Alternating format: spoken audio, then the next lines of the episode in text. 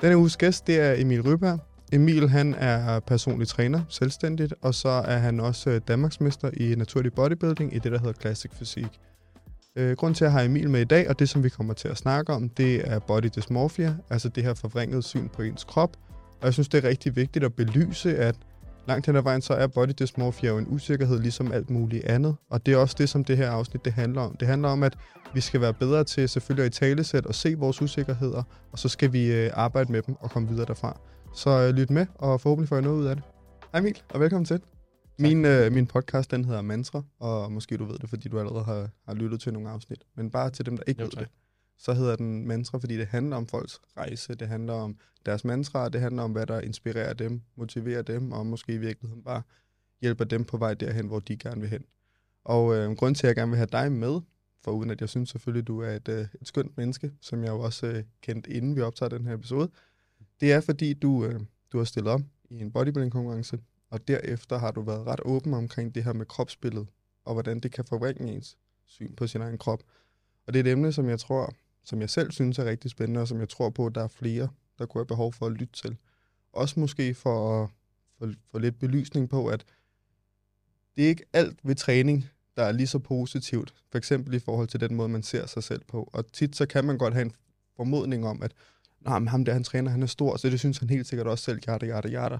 Men der er rigtig mange mennesker rundt, som er, er rimelig usikre, til trods for, at de øh, træner hver dag og ser ud, som om de er et stort brød. Så det er egentlig øh, hoveddelen i, hvorfor jeg har inviteret dig med herind. Fedt, tak. Tak fordi jeg må join. Selvfølgelig, det er en fornøjelse. Først og fremmest vil du så ikke lige øh, fortælle lidt om dig selv, hvad du laver? Jo, det kan jeg sagtens. Øhm, jeg hedder Emil Ryberg, øhm, og til daglig er jeg personlig træner, og har været det på fuld tid i godt og vel snart fire og et halvt år. Øhm, og det nyder jeg virkelig meget. Jeg nyder at se folk lide, øhm, men selvfølgelig under træningsmæssige omstændigheder, øh, hvor at de prøver at blive en bedre udgave af sig selv på alle fronter. Det kan være mentalt, fysisk. Øhm, jeg træner altså adskillige typer klienter. Jeg har ikke noget fast klientel, men bare blandet atleter. Jeg har folk, der selv der skal på en bodybuilding-scene, for eksempel her i år, i 2024, og så har jeg folk, som aldrig nogensinde skulle i nærheden af en bodybuilding-scene, men bare skal leve fem år længere. Mm. Øh, så det er jo meget Fedt. forskelligt. Og er det med vilje, at du ikke har valgt sådan en niche? Er det, øh, det er noget, du har gjort dig tanker omkring? Det er et godt spørgsmål, for jeg er blevet spurgt før, men, men det er svært at sætte sig på en niche, fordi jeg synes begge dele er sjovt. Mm. Øhm, også fordi det er to forskellige produkter. Der er nogen, der har brug for at være hos dig tre gange om ugen fast fysisk, så der er andre, der har brug for at se dig en gang hver tredje måned Mm. og køre noget online. De to er selvfølgelig prismæssigt vidt forskellige produkter, øh, men du kommer også lidt anderledes ind på personen, du har det forløb med, som du end har. Mm. Øhm, og jeg kan godt lide at arbejde med atleter, fordi jeg kan godt lide at få lov at presse folk virkelig hårdt. Øh, og så kan jeg godt lide at arbejde med her fra Danmark og udfordre dem på nogle ting, de måske, når de ikke overgår at træne, når de ikke overgår at presse sig selv, når de ikke overgår at tage en mere, og alle de her ting. Øh, men også bare lære, hvordan for nogle atleter kan deres problematikker, problemstillinger, det kan være noget helt modsat af sådan noget som en her fra Danmark, som synes, det er det mest uoverskuelige at skulle, øh, skulle ud og gå, i stedet for at tage bilen, for eksempel. Ja. Og hvordan, øh, hvordan griber man det så an? Altså, hvad, øh, hvad har du for eksempel af fokus, hvis det er her fra Danmark kontra en kon- konkurrenceatlet? Hvis vi bare ser bort fra os selve målet, men sådan din indgangsvinkel til det. Det kommer også selvfølgelig an på målet, selvfølgelig, men, men altså, hvis man skal kigge i sådan noget som udsat i vægttab, så er det meget forskelligt fra en atlet. Der vil jeg nok sige, at der er som regel en tidshorisont, øhm, og med det er der også en, en vis anden forventet disciplin fra min side af, fordi altså, man går ikke halvhjertet ind i noget. Hvis man vil det, så har man selv signet op til opgaven. Hvis man synes, det er hårdt, Mm. så er det hårdt. Tough Men, luck. men, men altså, jeg skal indrømme, jeg, jeg græd også, ikke græd, jo, jeg græd også, men jeg havde også under mig selv, da jeg lå i underskud for nogle måneder siden. Men, men man må godt have under sig selv, men hvis man hele tiden går og siger det højt, så bliver folk også trætte af at høre på det, og det samme. Hvis mine atleter går og siger det højt, så spørger jeg ind til dem, prøver at møde, mødekomme med løsninger, men hvis de kun ser negativt på tingene, så må man jo sige, kan ikke under dig selv, for du har selv signet op til det her. Mm. Hvorimod sådan her fra Danmark, der skal man helt klart imødekomme dem på et helt andet level. Altså, Mm. Der skal være noget forståelse for, at et fuldtidsarbejde med 50 timer om ugen, og med tre børn, og med øh, rod i privatlivet, familielivet, det kan spænde ben for, at man ikke får spist mm. nok frugt og grønt, når man ikke får sovet mere end 5,5 timer hver nat, og derfor ikke har overskud til at gå øh, mere end 3.000 skridt på en dag mm. Ved siden af sit arbejde, og så de der træninger, man, man havde regnet med kunne komme op på 3, det bliver kun til 1. Ja. Og så rammer det hele sammen i et hamsterhjul. Så, ja. så det her med at få, hvad, hvad, kan man, hvad kan man gøre mere af, i stedet for, hvad kan man fjerne? Ja. Så hvor hos atleter, der tror jeg, jeg fjerner flere ting. Det vil sige, lad være med at, at have, have dit skab derhjemme fyldt med goodies og snacks, når du prøver at begrænse dig selv for det. Hvis du ikke har ryggraden til det, så er det dumt. Ja. Selv det får næsen med dig selv, hvorimod for her fra Danmark, der prøver at sige, altså, hvis dit stikskab altid er fyldt derhjemme med goods, snacks, så sørg for at grøntsagsskuffen er dobbelt, dobbelt så fyldt. Ja. Øhm, så du i hvert fald har noget andet at hælde til, mm. som frugt og grønt. Og hvad nyder du mest? Nyder du mest træningsaspektet, eller nyder, nyder du mest det her med at arbejde med det mentale? Øhm, åh, det er et godt spørgsmål. Jeg synes, det er sjovt at træne med folk.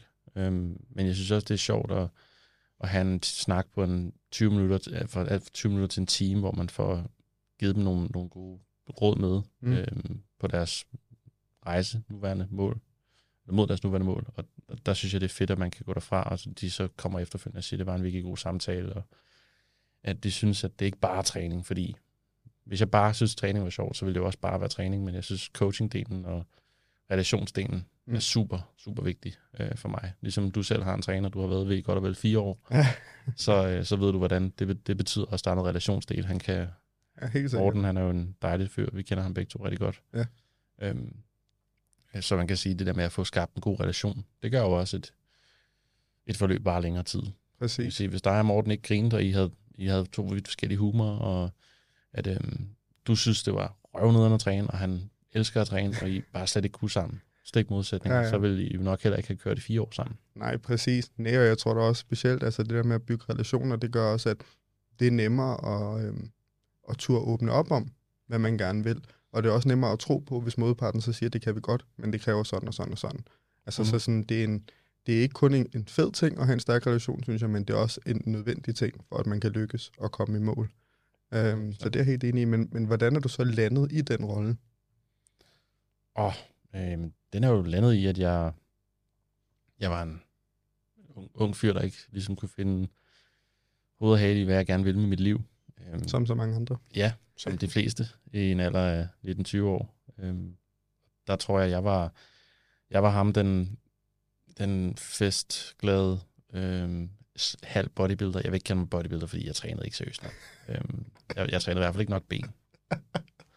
øhm, og jeg, jeg røg en smøg på vej ned til fitness, og okay, efter shit. fitness, ja, ja, jeg var den type. Øh, og det kan jeg godt sige højt, fordi det er ikke noget flaws over, det er bare ja, det tid. Øhm, men, men, og så, så trænede jeg rigtig meget overkrop, og jeg led høj, højsidetid. Altså jeg var meget, meget, meget glad for mig selv, tror jeg, dengang, fordi at jeg var lean hele tiden, fordi det var meget vigtigt for mig at være lean. Men jeg mm. voksede heller ikke særlig meget. Nej. Øhm, og man kan sige, så stoppede jeg mit byliv, fordi jeg stoppede med min karriere som bartender, og så tror jeg, så faldt jeg bare med hovedet lige ned i en, i en pøl af fitness, okay. tror jeg, vil jeg kalde det, fordi jeg bare sagde, altså jeg, jeg, jeg havde ikke noget arbejde, jeg havde egentlig haft en måned, hvor jeg ikke arbejdede, så jeg, vi ikke bare, har I brug for et eller andet? hjælp til et eller andet. Jeg kan godt gøre et bad rent. I don't care. Ja, bare et eller andet. Okay, sindssygt. Så blev jeg ligesom, øh, kom jeg ind i det jul der af Fitness World-tiderne. Okay. Og så var der nogen, der sagde, hvad med at uddanne som persontræner? Du, du er egentlig ret god til at lære fra dig. Du er også meget tålmodig, når, når folk ikke kan finde ud af at, og, og ligesom, når de, når de gør, altså når jeg siger A, at de gør B, mm. øh, når jeg prøver at hjælpe venner og sådan noget, så, så var det sådan, du er ret tålmodig, du bliver ikke sur, så jeg sådan, selvfølgelig ikke. Altså, Alting tager tid. Givet det var en selvfølge. Givet det var en selvfølge, men... men øh, og så tror jeg bare, jeg tog den uddannelse, eller jeg tog den uddannelse, og så øh, blev jeg færdig med den, og så allerede før jeg havde færdiggjort min uddannelse, havde jeg faktisk en klient, der havde købt igennem Fitness World, hvor jeg ville blive ansat, så... Okay. Ja, en ældre herre, plus 60. Øh, så det var bare, så kom jeg bare i gang derfra. Ja. Okay. Og hvornår sker skiftet så til det selvstændige? Det selvstændige liv startede, da lockdown kom ned over os alle sammen. Det var der, hvor vi, vi to faktisk også stiftede bekendtskab. Ja. Det var der, hvor vi mødte hinanden ude ved en kold container, øhm, midt ude ja, på en, øh, midt ude i sådan et bebyggelsesområde. Øhm, det lyder meget som sådan en altså altid drug deal, der ikke skal ja. finde sted. Ja, ja. Men det var virkelig bare træning, der foregik i den container, intet andet, I swear. Ja. Og føj, hvor var det koldt. Ja, det var virkelig koldt. Hold nu kæft. Ja.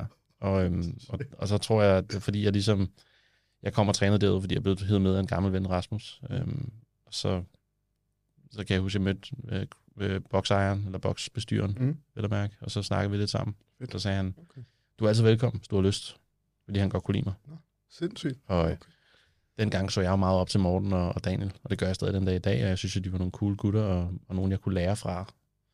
Øhm, så der, der var det meget nemt for mig. Ja, at ligesom ikke, ikke, Og hoppe videre. Jeg lagde ligesom tankerne lidt i blød, da jeg kom hjem, og så tror jeg, der gik en måneds tid, og så sagde min, min kæreste, øh, hun sagde, hvad med, hvad med bare kaste ud i det? Du, øh, Fedt. du, kan ikke, du taber ikke noget på det. Og så var jeg sådan, true. Så tog jeg chancen Fedt. Okay. i 2020. Ja. Og så sker der jo det her med på et eller andet tidspunkt, at øh, Daniel eller dig, eller jeg begge to, får den her skønne idé om, at du skal stille op. og hvordan, øh, hvordan kommer det på bordet? Og det kommer jo som regel på bordet, når man, øhm, hvis man har noget, noget, noget flair for et eller andet. Ja. Øhm, hvis man har en, en fysik, som på nogen måde kan være lidt unik. Mm. Øhm, Daniel, han kalder mig tit for, øh, for Ryberg-kassen, fordi han mener, at jeg har en kæmpe kasse. Det, Det er ikke det, forkert. Det er ikke, det er, jeg vil også give ham ret. Det er jo ikke forkert, fordi jeg ved godt, jeg kan godt selv se, at, øh, at der er noget genetisk der, jeg har, jeg, Mm. jeg ge- gavnet stort af, men selvfølgelig også, at jeg hele mit liv primært kun har trænet bryster og ikke ben.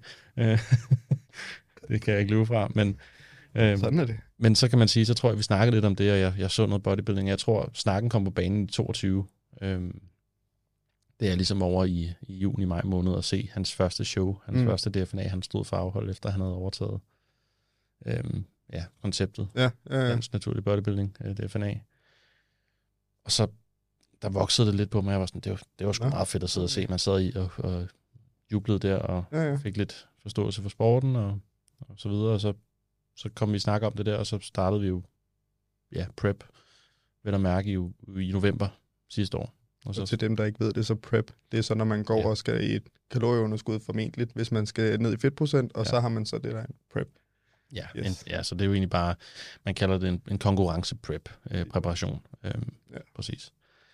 Øh, den startede vi i november, så kørte vi på i syv måneder, og Og hvad, at bare lige så folk forstår, hvor ekstremt det her er. Ja. Hvor meget vejede du, da I går i gang med Øhm. prep, og hvor meget vejer du til sidst? Jeg vejede 107,4 for at være helt præcis, øh, da vi startede i november, 11. november. Og jeg sluttede af den 1. juni Mm. om morgenen på 83,5. Og så kørte jeg i tre timer i bil, helt fastet, øh, uden at have drukket vand i 18 timer. Og så var jeg 82,6, da jeg nåede frem til scenen og skulle indvejs. Fordi jeg skulle veje under, jeg skulle veje under 84, fordi jeg var 1,84 høj, Ja. havde vi målt mig til. Det er. Øhm, ja, og den her vandfase, for eksempel, bare lige for at, highlight den, den var ikke planlagt. Øhm, Okay. Det var egentlig, fordi vi målte mig. Og jeg har jo altid gået og tænkt, jeg er 1,87. Pis. Jeg tænkte slidet, ikke? øh, det står i mit pas. øh, og så, så mødtes vi i rummet dagen, inden jeg skulle afsted, og så havde jeg lavet alt min mad klar. Vi karpede op. Jeg havde jo 500 gram carbs klar. Ja. Og jeg havde gået og snakket lidt af det hele, så dagen spurgte, hvad har du spist i dag? Jeg siger, det ved jeg ikke. Ved ikke, mange makroer jeg har fået, for jeg har bare smagt på det hele, fordi jeg bare er, jeg er bare in the mood. Jeg var craved bare alt. Øhm, så siger han, vi skal lige finde ud af, hvor højt du er egentlig. Skal vi lige gøre det for sjov? Fordi det var egentlig hans, den samme måler, vi brugte på showet. Det var Okay. hans, han havde i, nede i Norge. Så han målte mig bare lige, så sagde han, mate, du er 1,84? Så sagde jeg, hold nu kæft, du er jeg, mand. Jeg er 1,87. Så sagde han, hvad var du i morgen? Så sagde jeg, var 85,7. Så var han sådan, det er ikke så godt. Og så grinede sådan det, og så kan jeg huske, og det kan jeg jo godt sige åbenlyst, øh, og, og helt, helt sårbart, så, så brød jeg helt sammen, fordi det har været så hårdt. Mm. Og fordi at jeg, jeg tror, dag, jo, dagen inden, der havde jeg bare stået og frodet proteinbar og kørt for mange kalorier i kæften, end jeg egentlig skulle have Okay. gjort, fordi jeg, jeg, jeg, det var mentalt, der var også noget pres på, pres på hjemmefronten, Mm. fordi man ikke følte, man var god nok. Det Ja. kommer vi også ind på senere. Men Ja. det var det, så, så, så, så der, der brød jeg bare sammen og sagde til dagen, jeg, jeg gider ikke mere. Mm. Jeg kan ikke orke det. Og så fik han mig lige in the right mindset, ja. og så sagde han, nu tager du hjem, og så kører du et kilo salat og 600 gram kylling, og så må du ikke drikke noget vand resten af dagen. Så var jeg bare sådan, er du helt væk, eller hvad? Det kan jeg med. Men det var det så det, så jeg, jeg gjorde bare, Ja, hvad der blev ja, sagt. ja. Ikke? Så, Så hvis vi lige skal prøve at bryde det sådan lidt ned, fordi at alle preps har ligesom faser, synes jeg. Ja. Det er ikke hårdt på, på samme måde Nej. i starten, som det kommer til at være i slutningen. Hvis du skulle sådan dele din prep op i to-tre faser, hvordan ville det så se ud i forhold til de problematikker, der er, og hvad der er svært, og hvad der er fedt? der er jo rigtig mange, og det, kan jo være, det er jo en snak, der kan vare lang tid. Så jeg, jeg håber, du har øh, medbragt. Det er dig, der har travlt af helvede øhm, nej, så for at break it down, der er jo the honeymoon phase, starten. Mm. Du, øhm, du føler dig flad hele tiden. Når du kigger på dig selv, så tænker du, jeg, jeg er stadig tyk. øh, og jeg er stadigvæk, og jeg er stadigvæk overhovedet ikke, øh, jeg er overhovedet ikke stor lige nu. Mm. Jeg er sådan en mellemting, sådan en, altså nederen, nederen look, føler man, når man ser sig selv. Jeg havde snakket med en atlet om det i dag. Øh, og den fase skal man igennem, og det er de første 12 uger i hvert fald. Afhængig af start. Ja, det er det lige præcis. Ja, fordi jeg startede med en høj fedtprocent. Mm. Jeg, årsagen var også, at jeg skulle skralde 25 kilo af. Ja. Så det er jo, altså, det er jo En vis. kvart 100 kilo. Ja, det er skørt. over det. Det er ret meget. Ja, ja, ja. Øhm, og så kommer fasen efterfølgende, når man begynder sådan at se sine mavemuskler, når man begynder at se, at, øhm, at kindbenene bliver tydeligere, og man begynder at kunne mærke, at, at søvn bliver en mere gældende faktor, hvilket det selvfølgelig altid er, men det bliver mere og mere gældende. Øhm, og så tror jeg, for mig, da jeg havde været i gang i 20 uger, så begyndte sådan, det var på sådan femte måned, der kunne jeg godt mærke sådan, okay. nu begynder jeg at blive sådan øh, glemsom. Ja. Øh, det sagde, jeg havde, jeg havde, jeg var, det var meget vigtigt for mig, at min, kon, min øh, hvad hedder det, konkurrence ikke havde en effekt på min forretning. Ja, Øhm, selvfølgelig. Så det var rigtig vigtigt for mig, at kvaliteten af mit, alle, mit, alle mine produkter, det vil sige fysisk træning, online samtaler, øh, check-ins, svar, det var, det var højt nok, Mm. øh, uanset hvad. Og der kunne jeg huske, at når nogle af de samtaler, jeg havde med mine klienter, der var jeg nogle gange så drænet, når jeg sad klokken 18 om aftenen, efter at have været i gang siden klokken 6 om morgenen, da jeg sad der, og ligesom skulle øh, lytte til alt, hvad de sagde. Der var nogle ting, jeg ikke helt, for eksempel nogle, nogle der ikke havde med træning at gøre. Nogle, Mm. nogle af de mere personlige ting, dem kunne jeg godt finde på ligesom at, at glemme. Ja. Så når jeg havde check-in, så var der nogle meget få klienter. Jeg havde kun to, øh, to eksempler på klienter, der var sådan, jamen jeg sagde jo det her sidst, og, men det har du nok glemt. Og der var jeg sådan, fuck. Ja, det er jo Den, det. den, gør nas at få sådan en sucker punch. Og man, man begynder at glemme ting, og da jeg begyndte at blive, blive sur, altså jeg havde mit mentale, øh, når jeg begyndte at ondt af mig selv, når, jeg begyndte, når det begyndte at trække tænder ud, og når man Mm. begynder at komme ned i den fedtprocent, hvor man kan mærke nu, nu er jeg langt ned i kalorier. Jeg har mange ting, jeg skal nå. Min skridt er hævet, det vil sige, når man begynder at peak, derimod man skal indhente det sidste fedttab. Ja. Det er jo der i, i ved femte måned. Øhm, og i den, den tredje, sidste fase, som er de, for mig set de sidste tre uger, det er der, hvor du tester dig selv. Mm. Altså, det er der, hvor det er make it or break it. Fordi det er, det er der, hvor du er allermest presset, fordi du ligger allerlavest, du bliver hævet kalorier, øhm, din skridt er på sit højeste, øh, mens øhm, energien er på sit laveste. Mm. Øhm, og så kommer der de her peak weeks, hvor du skal jonglere mad. Øhm, du skal jonglere meget høj fedtindtag, meget lav kulhydratindtag, det vil sige, at du skal dræne din krop for væske, og så skal du bagefter fylde den op igen, så du skulle drikke sådan noget 6 liter vand om dagen. Ah. Jeg havde en, jeg havde en dag, hvor jeg bare, sådan, hvor jeg bare talte, hvor mange gange jeg pissede. Jeg pissede 17 gange på en dag, og det er selvfølgelig også mit lykketal. Men det, det skete. Det var med vilje, du sigtede efter Jeg det. sigtede bare. Det var sådan, ja, nu skal Yes. jeg igen. Ja, ja, Øhm, så man vågner om natten, og, og Kæft, det er jo fordi, man også taber sig øh, Ja. gennem sin urin faktisk, når man ligger i så stort underskud så længe. Så Og sådan rent mindset-mæssigt, havde du gjort dig nogle tanker omkring sådan, hvad der ligesom skulle være din nordstjerne, hvad du skulle være opmærksom på, og hvad du måske skulle hive noget energi fra, når det blev svært, eller kom det først hen ad vejen? Øhm, man kan sige, at eyes on the prize er jo at komme i mål. Mm. Og det er også det, som mange, mange de har den her målsætning om at vinde. Mm. Jeg havde en målsætning om at komme i min bedste form. Drømmen var top 5.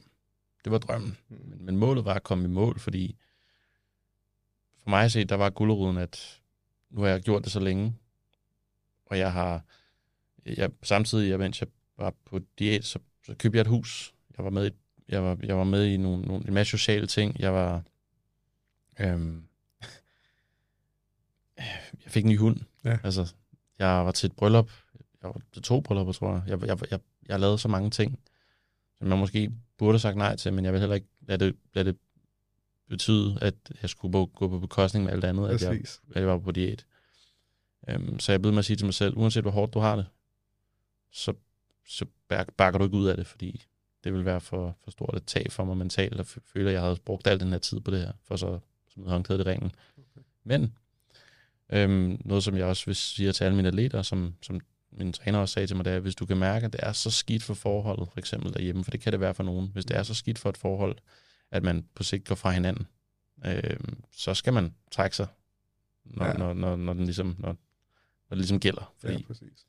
Fordi det er en meget egoistisk sport. Altså, det tror jeg også, folk skal huske på. Altså, ja. Ja. det, det, det kan godt virke hvis man ser, det gør jeg i hvert fald Chris Bumstead og lignende, det kan godt virke som om, at det er noget, det kan man sagtens komme igennem, hvis bare man har hinandens ryg. Det er pisse fucking hårdt, og det er ikke nemt mentalt, og Nej. man slider på en, der ikke har bedt om at være en del af det, så sådan, det kan virkelig tage hårdt på, øh, på ens omgangskreds. 100 procent. Ja, fordi du er egoistisk, men du er også, altså, det er jo afhængigt af, hvem du, hvem du er sammen med, og hvem du omgives, eller omgås, det, hvem du er omgivet af personer, men, men du er også alene om det. Mm. Altså, der er sgu ikke nogen, der laver din mad. Der er ikke nogen, der går din skridt for dig. Der er ikke nogen, der laver din cardio. Og der er for helvede heller ikke nogen, der poserer for dig. Og der er heller ikke nogen, der kommer til at have ondt af dig. Fordi det er ikke fordi, du sådan er blevet tvunget ud i det her. Mm. Selv valgte. Men det er også derfor, det er fedt, ikke? Jo. Altså, det er, jo, det er jo også det. Altså, det er jo, det er jo kampen med en selv. Det er jo også det, der, er- der er fedt. Altså, fordi det er nogle uphill battles, man skal, man skal igennem med sig selv, ikke? Fordi det er der, kampen ligesom Ja. Man, øh, man, man bliver nok lidt mere hårdhudet af det. Øhm, jeg har fået respekt for mange ting. Okay. Øhm, Som for eksempel hvad? Åh, ja. Jeg har fået respekt for, at man, man, man skal virkelig værdsætte sin nærmeste. Og at, et, fordi når man går ind til den bodybuilding, som, som det er som en sport, så har man forventning om, at de forstår mig. De forstår, at det er vigtigt for mig, det her. Hvilket også er fair nok, fordi folk omkring en, hvis de virkelig er, er der for dig, og de, og de elsker dig, og de ved, ved dig det bedste, så, så støtter de dig uden, i alt, uanset hvad du gør. Øhm, medmindre det selvfølgelig er noget helt kriminelt, øh, forstå det. øhm, Satans. Og det er fedt irriterende, når folk de ikke siger, at det er en for en god idé. Oh. men, men, øh, men nej, så omvendt, så skal man også bare ligesom kigge ind af, det har jeg lært, det er sådan at kigge ind af gennem den tid, for jeg også ligesom reflekteret over sådan, okay, men jeg forventer det dem, men, men de må også godt forvente mig, at, at jeg skal forstå, at det tager tid, at de skal adaptere sig til alle de her forandringer, at de ikke kan bestille takeaway til dig, de kan ikke invitere dig på middag, de kan ikke skænke vin op i dit glas, fordi, nå nej, du drikker jo ikke. Uh, uh. Ja, det er rigtigt. Håber du have noget sukkerfri soda, eller skal du også tælle det med? Af alle de her Ja. yeah. ting. Og det gør nas, fordi man er sådan, det er sådan et, nogle punches. Øhm, så derfor forstår man godt, hvis nogen fjerner sig fra situationen. Mm.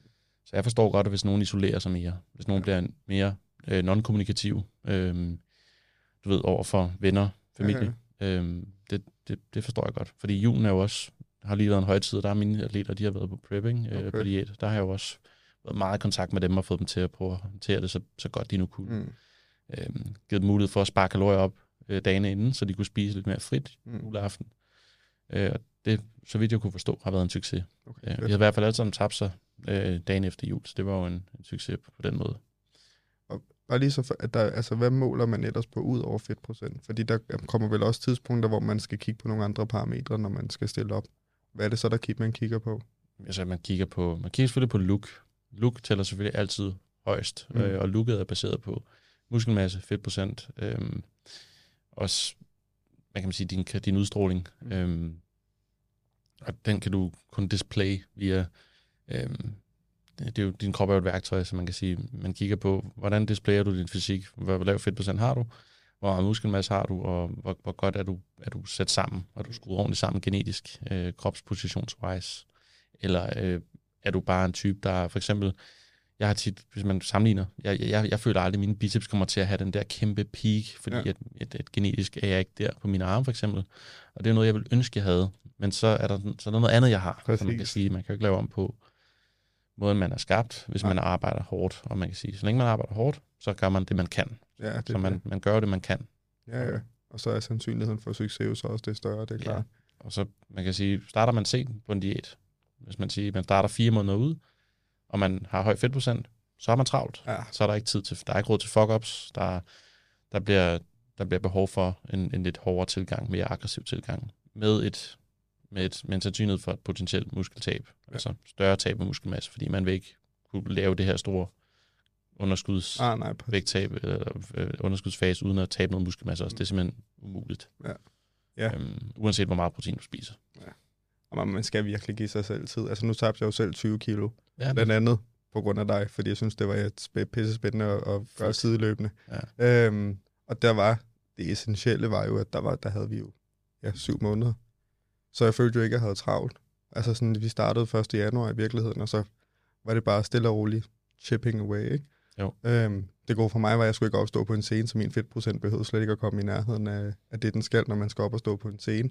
Øhm, men værktøjerne, man bruger, er jo meget det samme. Altså, det er mindre mad, Mm. det er flere skridt, det er bedre søvn, så vidt muligt. Få Ja. sovet alt det, du kan, ikke? Jo, jo. Øhm, hvordan og hvorledes taklede du det her? Fordi det, der jo sker selvfølgelig, når man skal op på en scene, der så står man virkelig skarpt, fordi, forhåbentlig, fordi man har peaked rigtigt, det vil sige, kroppen den spiller bare på dagen. Ja. Hvordan er det efterfølgende? Altså sidder man tilbage? Jeg tænker, så er man rigtig højt oppe, så vinder man. Så lige pludselig, så hele de her syv måneder, de er ligesom nået deres ende. Ja. Hvad så nu? Ja. Sådan, hvordan håndterede du den proces? Øhm, Jamen, og så vil jeg også gerne lige sige, at du vandt. Det synes jeg faktisk lige er, er værd at nævne. det er Du vandt. detalje. Det er rimelig vigtigt. Rimelig vigtigt. Ja, tak. Danmarksmester tak. i, i Classic Fysik. Ja. Danmarks uh, Chris Bumstead. Og det, øh, Ja, det var Det er overlænt og, og fedt. Det var, det var virkelig ja, nice. Tak. Tak. Det var tydeligt, vil jeg sige, for mange af os, at, uh, at du ville vinde. Men uh, det var også fedt at se, at du bare bragte Men, det men hele. jeg synes bestemt, og det skal også siges, der var 15 andre deltagere, og de så... Altså jeg vil sige, der var så mange Højt nye niveau. atleter i år, og jeg synes, det var højt niveau af, når man tænker på, hvor mange de, Ja, debutanter der var til det her show, så var det helt vanvittigt Ja. flot øh, niveau. Øh, baseret på, at det var, alles, det var rigtig mange første kapitel, det her. Ikke? Ja, øhm, sind, det er sindssygt i det hele taget i alle klasser. Var det, det var flot, vildt, det der blev, vildt, ja. ja.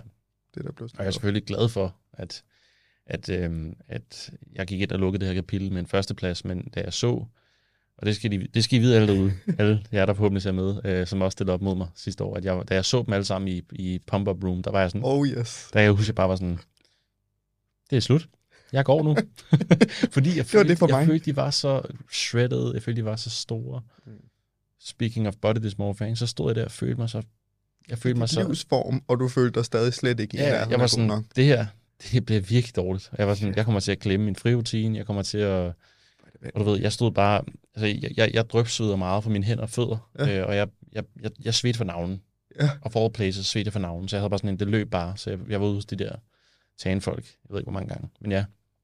Så, så det var en, det var en vild, vild dag, men det, man, det, som du spurgte om, bare for at vende tilbage til dit spørgsmål, Ja. du spurgte jo om, øh, hvad så nu? Mm. efter showdagen, fordi jeg følte jo, showdagen var overstået sådan der, men Ja. den varede jo fra, jeg tror, jeg var op klokken 6.30, 7, og jeg var først færdig klokken, jeg tror først, jeg havde taget et bad, der var klokken halv 12, Hold da kæft. ja, Shit. om, om, om, om, ja, om natten, ikke? Jo. Nej, jo, halv 12, halv 12, der kørte jeg ned og hentede ham, der havde stået for mig hele dagen, Christoffer Bangsgaard, han havde stået for at, at sørge for, at vi alle sammen havde det godt, øh, også for rent fitness-teamet. Og der hentede jeg ham, og så, så, så overnattede vi på den Airbnb, jeg ligesom havde, havde lejet, ikke? Så, det Mm. var, så, så skulle man sådan stå op dagen efter, så kan jeg huske, at jeg kørte hjem alene, med, øh, med taget, til, taget slået ned. Så kørte jeg bare, cruisede bare, og så brugte jeg den tur på at tænke over, hvad skal der ske nu, fordi to uger efter lå World Championships. Mm. i England, øh, Ja. ja. og den havde jeg godt vendt for, for familien derhjemme. Men, men jeg kunne mærke, at det var for mig. Øh, jeg var sådan, jeg har gjort det godt nok. Jeg har gjort, jeg har gjort det, jeg kunne. Okay, fedt. Øhm, så jeg følte sådan, at, at jeg, vil, jeg, vil, jeg vil break den til kronen. Jeg sagde til hende, jeg har lige øh, jeg har købt flybilletter til Manchester, og jeg har øh, booket billetter til, til Champion, World Championship. Så sagde hun, okay. Så sagde jeg, men vi tager afsted som turister. Og så var hun sådan, åh, oh, okay. Uh, Så var hun sådan, det var da, det var da interessant, spændende, men så lad os da gøre det. Og så havde vi en fed tur, hvor vi bare så danskerne hive en masse guld med hjem. Ja, Ja, voldsomt. mest, dansk, mest, vindende dan, mest vindende team var danskerne i år ja. til, til VM der i 23. Så det var, ja, det mega var- flot. Ja, det må man sige. Shit, mand. og ja, selvfølgelig, det ville ikke være løgn at sige, at man sad og fik lang næse, og var sådan, jeg kunne også have stået deroppe og givet den gas. Ja. Øhm, velvidende om, at jeg øh, ville få, få en masse høvl, føler jeg selv, af, Michael, som, øh, som, som tager guldet med hjem i Classic Fysik og vandt hele lortet. Øh, fordi han var fandme, Ja, hold Han er- kæft, den fysik, der også er på... Altså, ja. han er godt nok godt. Han er flot bygget, det må Ja. man give ham. Så What det skal du vide, Michael. Ja. Det, det synes jeg virkelig. Øhm, så, så man kan sige, jeg, jeg synes, det var fedt at se. Mm. Øhm, og så derfra, så, man sådan, så går man hjem, så har man taget 7 kilo på på en uge. Ikke? Øh, Okay. eller, de første 14 dage efter showet, der tog jeg 14 kilo på, tror jeg. Jeg vejede hurtigt. Jeg vejede hurtigt 92, 93. Og det er jo bare væske, skal folk selvfølgelig også øh, Ja, huske på, væske, altså. ja. ja, væske, og så vil der langsomt være noget fedtvæv, der bygges op. Ikke? Nu har jeg jo taget fedtvæv på igen, og nu vejer jeg kun 5 kilo mindre, end jeg gjorde, da jeg startede sidst. Okay. så Okay. ja. Men, men sådan rent øh, i forhold til at skulle håndtere det her med at kigge på sit spejlbillede, hvad, hvad gjorde du der sådan aktiv, gjorde du der nogle aktive tanker om at få, få vendt? Det er fordi, det er jo hårdt at tage så meget på på så kort tid. Fordi man, øh, hvert fald for mig selv, så kan man ikke genkende sig selv lige så meget, som, øh, som man kunne for inden, og man skal ligesom se sig til tak med, at det look, man havde arbejdet så hårdt for at opnå, det skal ja. væk. Altså fordi hvis du skal opbygge muskelmasse igen, hvis du skal gå performe, som du gerne vil, alle de her ting, det gør du ikke på dit laveste fedtprocent. Det er slet ikke sundt. Nej, det er slet ikke præcis. Sundt. Nej, altså fordi for mig, jeg, øhm, jeg, jeg vidste godt, hvad der skulle til. Jeg, øhm, jeg snakkede med Daniel, efter jeg sagde til ham, at jeg vælger ikke at tage med, så sagde han, okay, så slet, øh, slet, slet mig fitnesspad af dem. Så var jeg sådan, okay, gjorde det. okay, shit. Jeg var ude at spise, når jeg rakte den dagen efter, så, så, så slettede jeg bare af dem. Vildt. Okay. Efter syv måneder, hvor jeg havde gjort det hver eneste dag. Ikke? Shit. Øhm, og det var det nemmeste for mig i verden. Mm. Øh, for mange er det rigtig svært at give slip på tracking-delen, fordi det er at give slip på kontrol. Præcis. Øhm, men jeg vidste godt, at den kontrol vil, øh, vil, vil altså, bide mig i røven, Mm. hvis jeg prøver at bevare den. Øh, der er rigtig mange, der prøver at bevare det her look. Jeg skal da heller ikke lægge skjul på, jeg synes, det var et fedt look. Men jeg, jeg synes heller ikke, det var fedt ikke at have lidt kinder, og sådan, jeg følte mig meget, meget mager til Ja. sidst. Altså sådan usund mager at se på. Øhm, altså, jeg, jeg, jeg mødte jo folk, når jeg var ude at handle, som var sådan, er du, er du, er du, er du dødelig syg? Hvor jeg var sådan, nej, I'm just a bodybuilder, you know. Jeg er bare sulten. Virkelig. ja, jeg er virkelig sulten, så Ja. har du noget kage.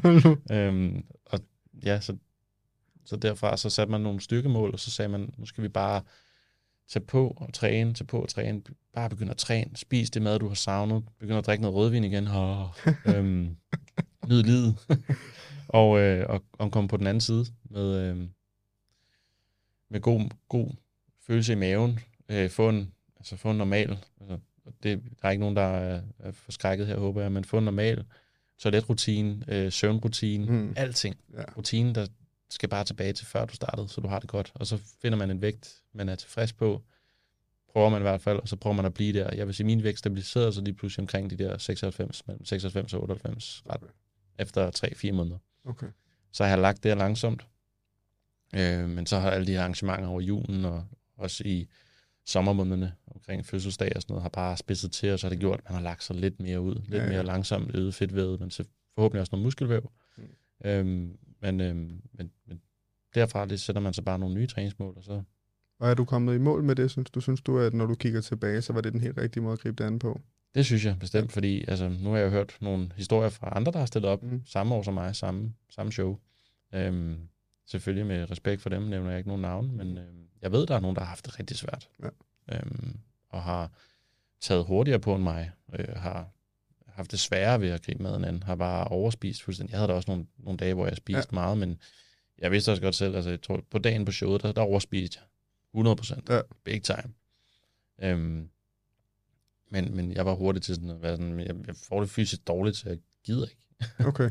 Øhm, fordi det tror jeg, nogen de, de lukker lidt af for det der med fysisk dårligt. De tænker, jeg skal have det her, for jeg har ikke fået det i 100 Mm. Nu skal jeg bare have det, fordi man, man er lidt bange for at gå glip af alt det her mad, der foran en, fordi man, men, men der havde jeg en, en rigtig god partner derhjemme, som, som var god til at sige til mig, du har i morgen til at spise det her, du behøver ikke spise det her i dag. Så, Nå, var jeg fedt. sådan, så var hun sådan, hvorfor du, skal vi ikke bare spise det her i morgen, i stedet for at vi også skal have det i dag? Så var jeg sådan, okay, du har jo ret, du er jo, du er jo skide klog, det kan jeg ikke tage fra dig.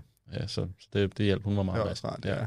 At man ikke kun har sig selv at lytte til. Fordi Ja. det er jo tit der problemet kan opstå, ikke? Ja, ja, så sidder man bare og skåler pizza og Ja, ja, ja. alt det, man Og ikke det er lækkert jo. Altså, så det... bevares, selvfølgelig. Altså, så det, det, det handler om, at man skal finde måden at gribe det an på. Der er måske også nogen, der er bedre til, at altså, der har nemmere ved at transition away fra det her tracking, ved, Mm. at de, ved at de gradvist trapper ned, så, bliver det, så starter de med, i stedet for det er syv dage om ugen, så er det fem dage. Mm. To uger efter er det fire dage. Ja. To uger efter er det tre dage.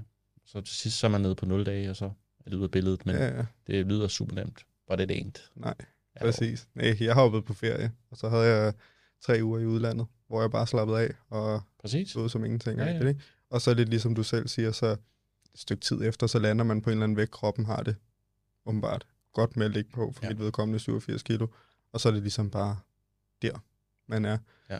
Øhm, men hvad så nu for Emilie? Altså nu tænker jeg sådan, hvad har du øh, af mål? Nu har du ligesom prøvet den her drøm med at stille op. Du er også selvstændig. Hvad, hvad har du af mål for, for dig selv det næste års tid, for eksempel? Jeg vil jo gerne, øh, selvfølgelig... Jeg vil selvfølgelig gerne... Vender dit branding, kroppen, så man branding, kan se... Øh, super vigtigt. yes. Øh, Jeg vil rigtig gerne arbejde på at gradvist øh, forbedre min forretning. Ja. Øh, struktur, øh, systemer, Okay. service. Øh, Ikke skalere op med medarbejdere eller lignende. mm, Potentielt. Jeg kunne godt tænke mig at have en, en, en coach øh, under mig. Jeg vil godt have en træner mere, som Fedt. kunne, øh, kunne hjælpe mig, hvis jeg fik mere travlt fysisk, øh, mere efterspørgsel på det fysiske øh, forløb, fordi det er nok der, jeg sådan føler, at det kunne give mening. Ja. Online-mæssigt kan jeg sagtens følge med. Øhm, Okay. Lige nu ligger jeg på et leje rent sådan øh, indtjeningswise, hvor jeg gerne bare vil tjene det samme, men øh, have, en, have en bedre bundlinje. Ja. Det vil sige, at forbruget skal bare sænkes. Øhm, der skal være færre udgifter på ting, der ikke er behov for. Mm. Øhm, det har jeg også gjort. Jeg fjernede nogle systemer sidste år, som ikke kan mening for mig. Sådan nogle, Fedt. Ja, bookingsystemer og sådan lidt. Så du skal øge din virksomhed i en Ja, eller anden I forstand. en eller anden forstand, ja. I hvert fald optimere den på nogle Ja. fronter, ikke? Altså tidsoptimere. Mm. Øhm, en af de eneste, første tiltag, jeg har lavet i år, for at jeg kan hjælpe flere, øh, og stadigvæk ud det samme produkt, er, at jeg har skåret ned på mængden af samtaler, jeg havde hver søndag, mandag og onsdag havde jeg samtaler med mine klienter. Mm. Nu har jeg skåret ned til, at, at øh, hverdags, altså online-klienter, der bare er online-klienter, de kan booke det ind øh, hver anden søndag. Okay. Så jeg har en helt søndag fri Ja. ja. en gang hver anden uge. Det gør meget for mig, Mm. fordi så kan jeg nå at lave alle de check-ins på video, som, som ikke bliver lavet samtaler Fedt. den uge. Det er jo, det er jo bevidst, jeg har gjort det sådan. Mm. Fordi Ja. ja. det, har, det har været i kigger den længe, men det er en af de tiltag, der kommer til at give mig flere timer øh, i døgnet. Og hvad med, du er også blevet husejer, og som du selv siger, så har du Præcis. to fantastiske hunde og en øh, fantastisk forlovet. Hvad Ja. skal der ske øh, på, på den private front i, Ja. i år? Jamen, øhm, altså, nu har vi jo to hunde, og jeg gider ikke have en tredje hund, så det tredje må nok være en baby på et eller andet tidspunkt. Det er jo nok, øh, nok svært at udelukke. Øh, jeg- skal ikke have en tredje hund, for så snorer. Og, og, så står der med tre hundelort, ikke? Det er super nederen. det er rigtig, Øh, rigtig så øh, nej. Og to er jo fint. To er fint. Det har man da altid okay det er super fint. Det er hårdt arbejde øhm, at have to hunde, men det er også det bedste i verden at komme hjem til. Og Mm. det er fedt at have en have, man kan kyle dem ud i nu. Ikke så fedt nu, hvor der er snevejr udenfor, og de bare ødelægger, jeg ved ikke hvad. Men jo, øh, selvfølgelig vil jeg rigtig gerne, det har altid været en drøm for mig, at, at blive, blive far, før jeg bliver 30. Så det er om tre år. Jeg har tre Ja. år. Så det skulle du nok kunne nå, ikke? Til, så, Tænker du når det? ja, det gør jeg, det gør jeg. 100 procent. I skal vel også, jeg tænker, I skal vel ud og rejse, I skal vel ja. vide hinandens selskab. Det virker som noget, I sætter, I sætter stor pris på det der med at tage ud og rejse og, og sådan. det, det, det jeg, er blevet, jeg er blevet rigtig glad for at gøre alt det, jeg nu kan, øh, som jeg ikke kunne tidligere i mit liv, hvor jeg, hvor jeg var økonomisk ustabil, øh, gæld i banken og alt muligt, fordi jeg bare levede bylivet. Øh, jeg var typen, der levede på en kæmpe kassekredit på 30.000 med et. om Hold da kæft. Ja, jeg presser den helt i bunden. Det er jeg ikke klar over at sige, fordi jeg mødte, øh, jeg mødte min forlovede nu, og hun, hun, hun hjalp mig på, mm. med at komme på rette spor, og hun hjalp mig med at, at træffe nogle klogere beslutninger. Hun hjalp mig med at spare op, og hun hjalp mig med sådan at rent økonomisk komme ud af det, som jeg var havnet i. Mm. Øh, baseret på nogle år, hvor jeg bare havde chillet lidt for meget med det. Du ved, jeg havde ikke søgt liv hos mine forældre, fordi det der var også skam i, på en eller anden måde. At være sådan, ja, jeg fester ret meget, så kan jeg lige få nogle penge. Øhm, også fordi jeg egentlig ikke havde lyst til at lade, lade mit liv gå ud over deres liv. Mm. Øhm, men nu kan vi rejse rigtig meget, og, og det, er jo, er der jo en, det er jo den frihed, man tager sig, når man knokler hårdt og, og begynder at tjene bedre penge, og man begge to er, er stabil indtjenende, så kan man tage ud og rejse lidt oftere, og i hvert fald planlægge det og spare op til det, Mm. øh, så der er råd til det, så det ikke er, så man lige gør det på det hængende hår, men så man Præcis. faktisk kan nyde det. Ikke? Ja. Øh, så nej, jeg skal, vi skal til Thailand til marts. Det har jeg aldrig prøvet før, så det bliver en, øh, det har været sådan, jeg Sådan. vil altid gerne vil til Thailand, så nu... Øh, Nå, er det sådan noget øhop, hvor I så skal rundt? Og... Nej, nej, dog ikke. Vi tager, altså, vi, vi er rigtig gode til at sove.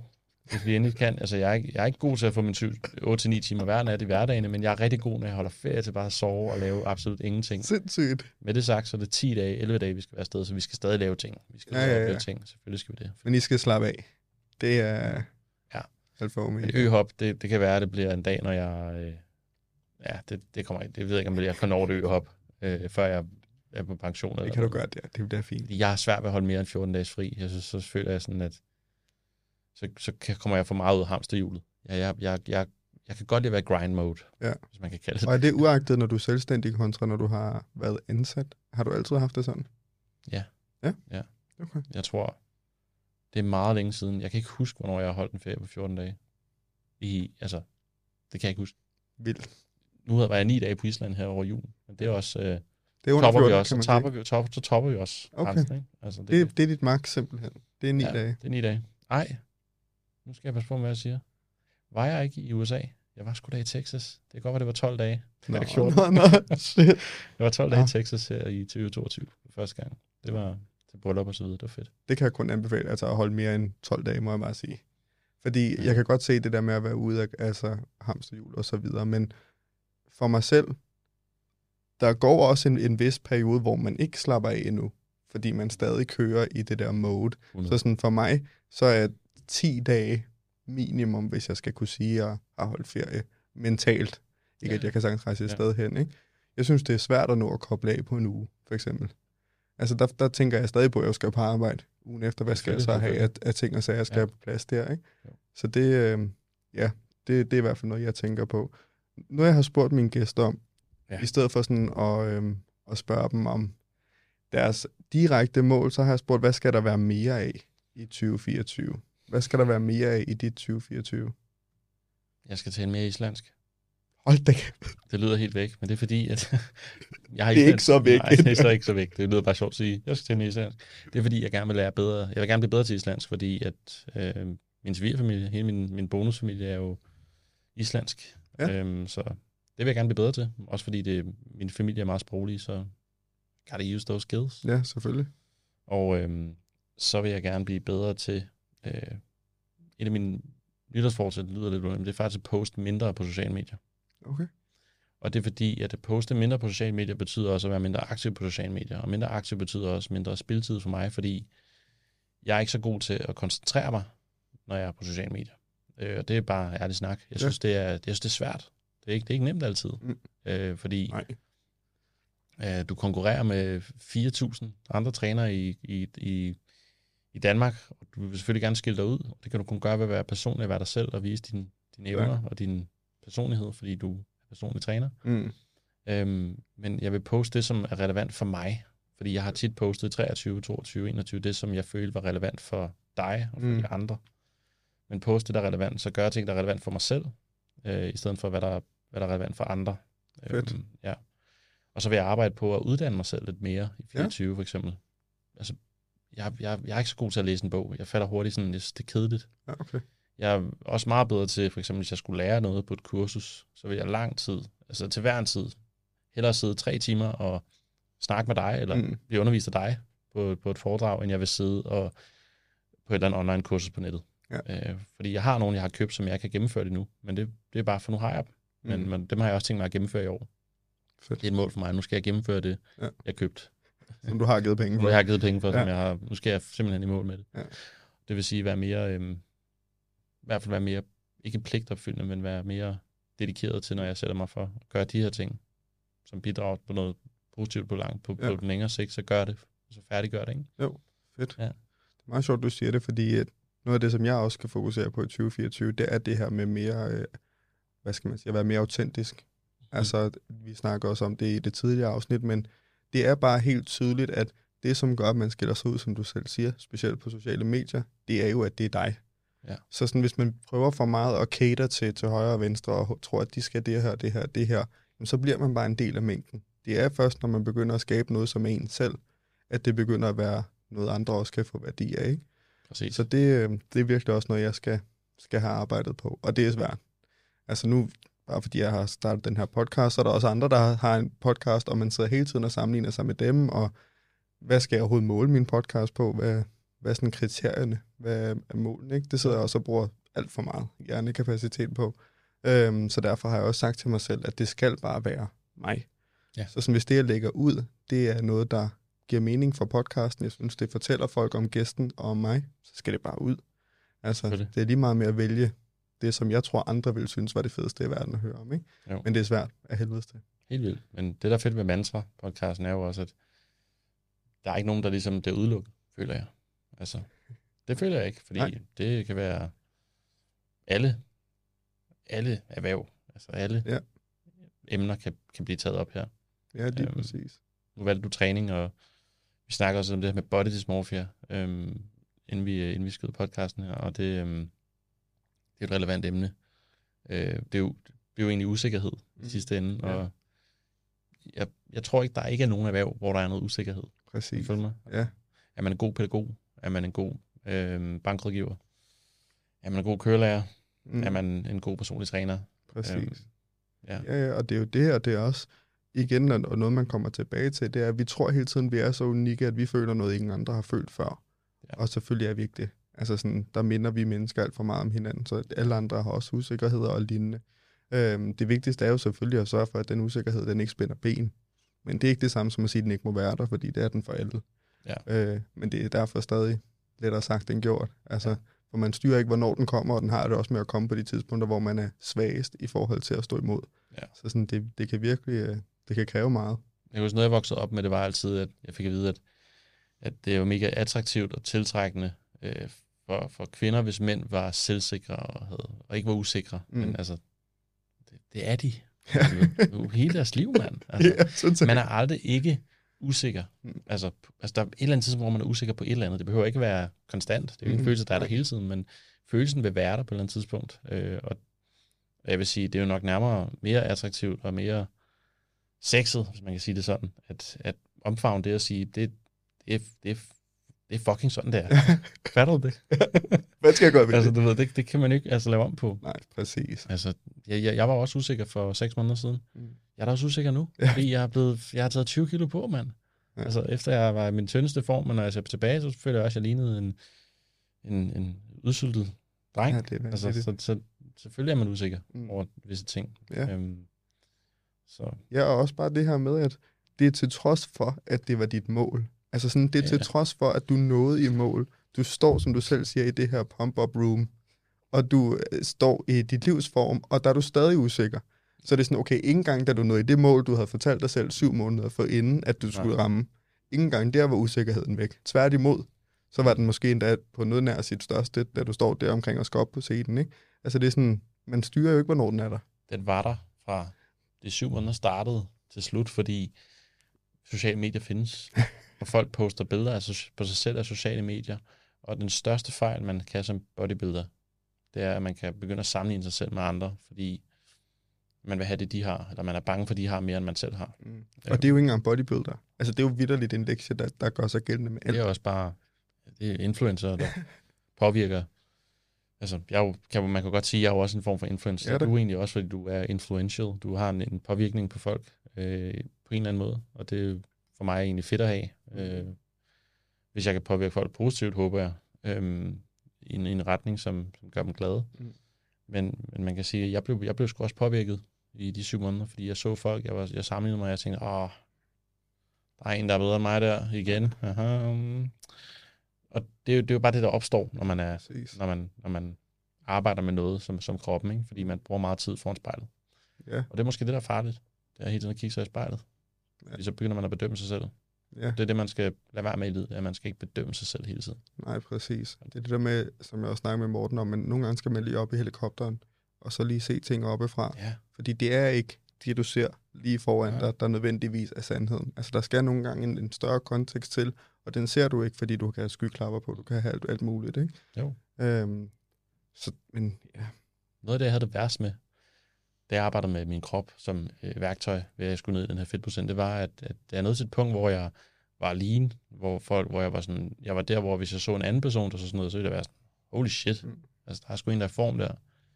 Veins på benene, og det ene og det andet, og så videre. Og der kan jeg huske, at folk sagde til mig, du ser vild ud, mand. Så var jeg bare sådan, ja, det er fint nok. Du ved, normalt er jeg ydmyg og siger tusind, tusind tak, for det, jeg sætter pris på, når folk, altså jeg har altid været dårlig til at tage mod komplimenter, fordi det er så rart, det er så fedt, at jeg, sådan, jeg ikke rigtig ved, hvad jeg skal sige, så jeg er sådan, du ved, den der akavede, øh, tak, tror jeg. Og det er jo fair nok, fordi man, man, er ikke, man, er ikke, man behøver ikke være god til at tage imod det, men, men det har jeg ikke altid været, og, og det blev endnu værre, da jeg var på diæt, fordi jeg ikke var god til det, og sådan, jeg, jeg var for meget inde i mit eget hoved og tænkte, han, han siger det bare, fordi han skal sige det, mm. men, men det passer jo ikke. Ja, hvorfor skulle han det? Præcis. Ja. Øhm, så det er igen, hvordan, hvordan kroppen, mm. ens eget syn på kroppen, påvirker ens, øh, ens altså, tanker om sig selv, ikke? Jo. Ja. ja. Jeg ved ikke. Altså, det er også, ja, igen, jeg tror, i takt med, at desto mere energi man lægger i noget, desto mere i går så en stolt man også er, så kommer der også en, en stor usikkerhed med. Altså apropos det her med, at du har jo lagt sygt, lagt sygt meget arbejde i. Ja. Og fordi du har lagt så meget arbejde i, så skal det helst ikke være spildt. Nej. Det vil sige, frygten for, at noget er spildt, den kan skabe ja. vanvittigt meget usikkerhed. Ikke? Jo. Altså fordi en ting er, at Altså man vil også gerne kunne se, at man har fået noget ud af det, og man vil gerne kunne vise andre, hey, det var ikke bare noget, jeg gjorde på det, så jeg gjorde det fordi X og Y, jeg gjorde det fordi det her. Ikke? Ja. Øhm, så sådan frygten for, at man ikke får det, man ligesom føler, man har fortjent, den skaber også en rimelig usikkerhed, og det er da noget, der er universelt for alt. Ja. Altså, det er bare når jeg er på arbejde. Hvis jeg har skrevet en rapport eller et eller andet efter en opgave, jeg har haft. Og jeg har lagt rigtig meget arbejde i, og den er rigtig mange sider, og jeg tænker, det kan du godt være stolt af, det her. Ja. Ikke? Og så kommer nogen og siger, det her, det skal laves om. Det her, det skal laves om. Det her, det skal laves om. Og man sidder bare der sådan, fuck, jeg er nødt til at gøre det. Men altså, næste gang skal I bare vide, så bliver jeg fucking usikker, når jeg skal aflevere den her øh, 12-tids rapport, for jeg tænker, der må være 40 fejl. Altså, det er sådan, Ligesom sidst. Ja. præcis. så man skal lige ja. ud over den der sin egen næsetip, Ja. og så bare finde noget ro i det, ikke? Men Ja. det er pisse svært. Men hvis forventningen bare er, at du gør det så godt du kan hver eneste gang, og, og der er plads til fejl, i stedet for at man udelukker fejl, Mm. så er det jo nemmere at, at, at tykke igennem de fejl. Øhm, og ligesom vide sig, vide sig sikker på, at der vil nok være fejl, men det, dem samler vi op på. Præcis. Øh, og, og fordi jeg tror, det der er vigtigst af alt, det kommer, når det kommer til alting i livet, det er forventningen om udfaldet. Mm. Ligesom forventningen til en selv, når man, når man gør noget så, så ekstremt som bodybuilding. Øhm, forventningen til en selv skal være at bevare sig selv Ja. øh, i det, man gør, øh, og som, som person, altså ens værdier, Mm. kerneværdierne. Hvis man mister sig selv og mister dem, så er det jo, så, så kan det godt være, det er vildt, det man gør, men it ain't healthy. Nej, hvad står man øhm, så tilbage med? Ja, fordi når man, jeg begyndte at kigge meget ud af og kigge på forventninger fra andre, fordi folk sagde, åh, tror du, du vinder det her? Åh, du kommer til at være den bedste, og uh, du har den her. Og så er jeg sådan, I guess I do. Ja. Og så, er jeg sådan, så, så begynder jeg at, at forvente, at jeg skal gøre dem stolte. Mm. Men det skal jeg ikke. Nej. Nej. Og det, det, det, det gælder bare så mange ting i livet. Ja. Øh, og det har lært mig, sådan, at man skal sænke, sænke forventningerne, og så, så levere, Ja, hvad man præcis. kan, og ikke hvad man, hvad man tror, andre forventer, man kan. Mm. Øhm, Ja, præcis. Og Ja. så måske også det her med, at det at fejle viser også bare, hvor man så skal være bedre næste gang. Så sådan, det vil også være fuldstændig omsonst, og så sidde og tro, at man kan gøre noget uden at fejle, fordi så har du gjort noget perfekt, og det er sjældent. Der er nogle mennesker, der begiver sig ud med noget som helst, at de gør det 100% perfekt. Ja. Altså sådan, så det er også det her med at kunne prøve at se de her fejl som steder, man kan forbedre sig. Ja. Og så selvfølgelig være aktiv omkring det. Så ikke bare sige, fuck, hvad nederen, men så sige, okay, hvordan ændrer jeg det til næste gang? Ja. Der synes jeg især, at bodybuilding kan være god. Ja. Altså en ting er selvfølgelig responsen, man får af de dommer, der er i forhold til, at du skal forbedre sådan og sådan og sådan. Ja. Men det er også bare en kontinuerlig proces, hvor du hele tiden bliver klogere på dig selv, mentalt, fysikken, det hele. Altså sådan, du, mm. øh, du får lov til at bruge en masse værktøjer, hvis du ellers har lyst til at forbedre dig fra gang til gang. Ikke? Jo, ja. Bestemt. Det er en, en vild sport. Var det det Ja. værd? Kan vi slutte af med at spørge om. Var, øh, var turen på scenen, var det det værd? Var de 20 plus kilo Øh, det værd? på mange fronter var det det værd. Ja. Men der var også rigtig mange ting, jeg ville have været for uden. Okay, Og det kan man jo godt sige. Altså, sådan er det, det. er jo en, det er jo en ja. tosidig oplevelse. Øhm, jeg ville gerne have været for uden øhm, al den vrede og al den, som, som opstod på grund af temperament. Mm. Jeg ville godt have været for uden, at jeg følte mig som en dårlig ven, dårlig søn, dårlig kæreste, Ja. øh, dårlig træner. Altså, jeg ville godt have været for uden de her ting, fordi at jeg havde meget pres, og jeg havde sat mig selv i et miljø, som måske skulle have været justeret efter omstændighederne. Øhm, så de ting ville jeg gerne have været for uden, men jeg ville ikke have været for uden oplevelsen om at være klogere på, hvordan man får folk i form, Mm. og hvornår folk er i form, hvornår de ikke er. Jeg ville ikke have været for uden medaljen øh, og dagen, dagen som var højdepunktet. Ja. Det, var, det var dagen på scenen. Fedt. Øh, og jeg ville ikke have været for uden øh, de minder, jeg har fået med mine teammates, og altså de minder, som jeg også har fået med, med, med folk undervejs, der har fulgt min rejse, min nærmeste, Mm. øh, som jeg jo heller ikke har været for uden. Øhm, den viden og erfaring og potentielt den, den plads, det har givet mig i bodybuilding-miljøet naturligt. Ja. Øh, hvis det er også noget, som jeg, Klart. som jeg ser mig selv. Det gør jeg. Jeg ser mig selv fortsætte at arbejde med det og, og dyrke det Mm. øh, på sigt, fordi det interesserer mig. Fedt. Og det har givet mig den, øh, den Det vej ind. se. Ja, kan man det sige. cementerer Ja. ligesom Ja. vejen. Det har banet vejen for mig, i hvert fald Mm. på nogle, nogle fronter. Mange fronter. Ja, Emil. Tusind tak, fordi du vil være med. Det har været en fornøjelse at det har det. snakke med dig. Tak fordi jeg måtte være med. Selvfølgelig.